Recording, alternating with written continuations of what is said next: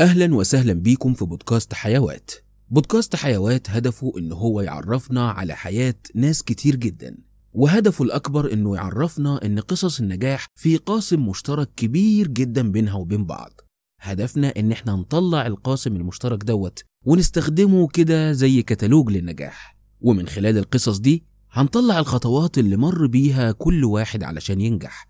وهتعرف إن الخطوة اللي أنت موجود فيها دلوقتي هي واحدة من الخطوات اللي بتوصل للنجاح. بس نكمل. حلقة النهاردة أنا هسميها attitude سبب التسمية دي هو إني من كام يوم كده اتكعبلت في post على الفيسبوك كان صاحبه كاتب فيه مش هتكسف أقول إن أنا من أربع سنين في نفس اليوم كنت مفلس. قفلت الشركة اللي صرفت عليها كل اللي معايا. وما كانش معايا غير 200 جنيه أشتري لبن لابني. ما كانش معايا فلوس أركب مواصلات. ما كانش عندي عربية. ما كانش في مصدر دخل ولا كنت عايز أطلب من حد. طلبت من ربنا وادالي اللي تمنيته أكتر. الحمد لله على كل نعمة. يا رب أنا من غيرك ولا حاجة. النهاردة وبعد أربع سنين أنا في حتة ما كنتش أحلم أبقى فيها. بحكي عن نجاح أنا كنت سبب في جزء صغير قوي منه إنما السبب فيه ناس كتير قوي. شكرا لكل واحد اشتغل معايا ووقف جنبي وآمن باللي بنعمله. يا رب دمها نعمة واحفظها من الزوال. ال post ده جذب انتباهي وحسيت إن أنا ممكن أطلع منه بفكرة. فدخلت على ال account بتاع صاحبه وبدأت أقلب فيه شوية. لقيت إن صاحب ال account دوت زي ما وضح من ال post اللي أنا قريته من شوية إن ده واحد حاله اتحول من حال لحال وأصبح في نجاح كبير جدا في حياته. بدأت أقلب في البوستات بتاعته علشان أطلع منه بحاجة عن شخصية الراجل ده. فلما جيت قلبت في الأكاونت بتاعه قابلت مواقف كان بيتكلم عنها وكمان قابلت أفكار كان بيشاركها مع الناس. فأنا حابب ألخصهم علشان نطلع بأتيتيود الشخص الناجح. الشخص الناجح بيفكر إزاي؟ بيقضي وقته إزاي؟ بيفكر في إيه أصلا؟ بيحاول يعمل إيه؟ طلعت كام نقطة كده ولخصتهم وهقولهم لحضراتكم دلوقتي. أول حاجة طلعتها ولخصتها كده في الكلام اللي أنا استنبطته من البوستات بتاعته إن هو بيفكر في الرزق بطريقة مختلفة. بيفكر في المكسب وفي الفلوس بطريقة مختلفة شوية عن الطريقة التقليدية اللي إحنا عارفينها إن في ربح وفي خسارة. هو بيبص للموضوع دوت بطريقة مختلفة. هو شايف إن الرزق اللي جايله ده مش رزقه هو بس. هو شايف إن ده رزق الناس اللي شغالة معاه. وشايف إن هو يدي الناس دي حقوقها هو أهم حاجة شايف إن الناس ديت في رقبته. مش ناس بتشتغل وبتاخد مقابل لشغلها ده. وشايف كمان إن الرزق اللي بيجيله ده هو وسيلة تقدر تخليه يساعد الناس اللي حواليه ويساعد الناس اللي بيحبهم. وبينصح الناس دايما إن لو في إيدك إن أنت تساعد حد جرب تساعده وما تبخلش في المساعدة.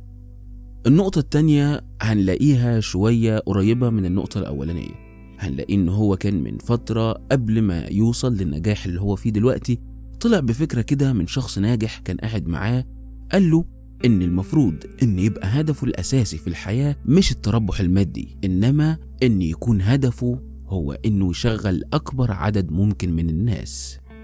وقرر إنه لو في يوم من الأيام ربنا كرمه إن هو هيقلد الراجل ده وهيكون هدفه إن هو يشغل أكبر عدد ممكن من الناس. ونقطة كمان هو كان حابب يوضحها لكل الناس. كان بيحكي بيقول إن هو كان موجود في مطعم من المطاعم والمطعم ده كان فيه مشكلة.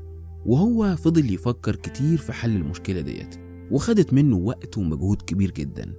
وفجأة حس إن اللي كان بيعمله ده غلط غلط كبير قوي.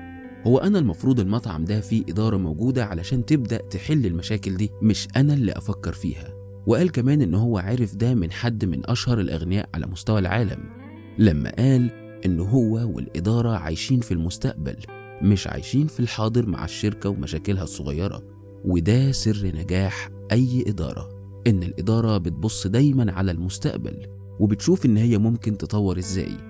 مش عايشة في الحاضر والمشاكل الصغيرة بتاعة الأماكن والأقسام اللي المفروض إن في ناس موجودة أنا معينها وواثق فيها إن هي تحل المشاكل ديت. نقطة كمان كان بيقول إن هو وصغير والده شال التلفزيون من البيت لما لاحظ إن هما بياخدوا وقت كتير جدا في الفرجة عليه. فبيقول إن هو ما كانش قدامه أي حل غير إن هو يملى وقته بالقراية وبينصح كل الناس بإن هي تقرأ. وده أكبر دليل على إن النجاح اللي هو فيه ده راح لحد يستاهله. على فكرة أنا كمان شفت له بوست وهو بيحتفل بعيد ميلاد والده على صفحته. واضح كمان إن هو حد بار جدا بوالديه. آخر نقطة حبيت أخليها في النهاية كلامه هو شخصيا بيقول إن مفيش حد في حياته قبله وكان عنده يقين إنه ينجح غير وبقى شخص ناجح ومفيش استثناءات للقاعدة دي. اعتقادك وإيمانك بنفسك بيأثر على مستقبلك فوق ما تتصور. ودايما خلي عندك ثقة في الله إنه مش هيضيع تعبك.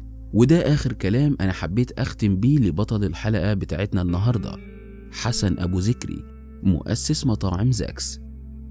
أنا أعجبت جدا بالشخصية ديت ومن أكتر أصحاب ال business اللي أنا شفتهم على ال social media اللي واضحين تماما في أفكارهم وفي كلامهم مع الناس. مجرد بس اتكعبلت في post ليه وحبيت بس أبص بصة على الأفكار اللي بيتكلم بيها وال attitude بتاعه في الشغل. والحمد لله استفدت كتير جدا من الصفحة بتاعته. حسن أبو ذكري اللي موقفش وكمل.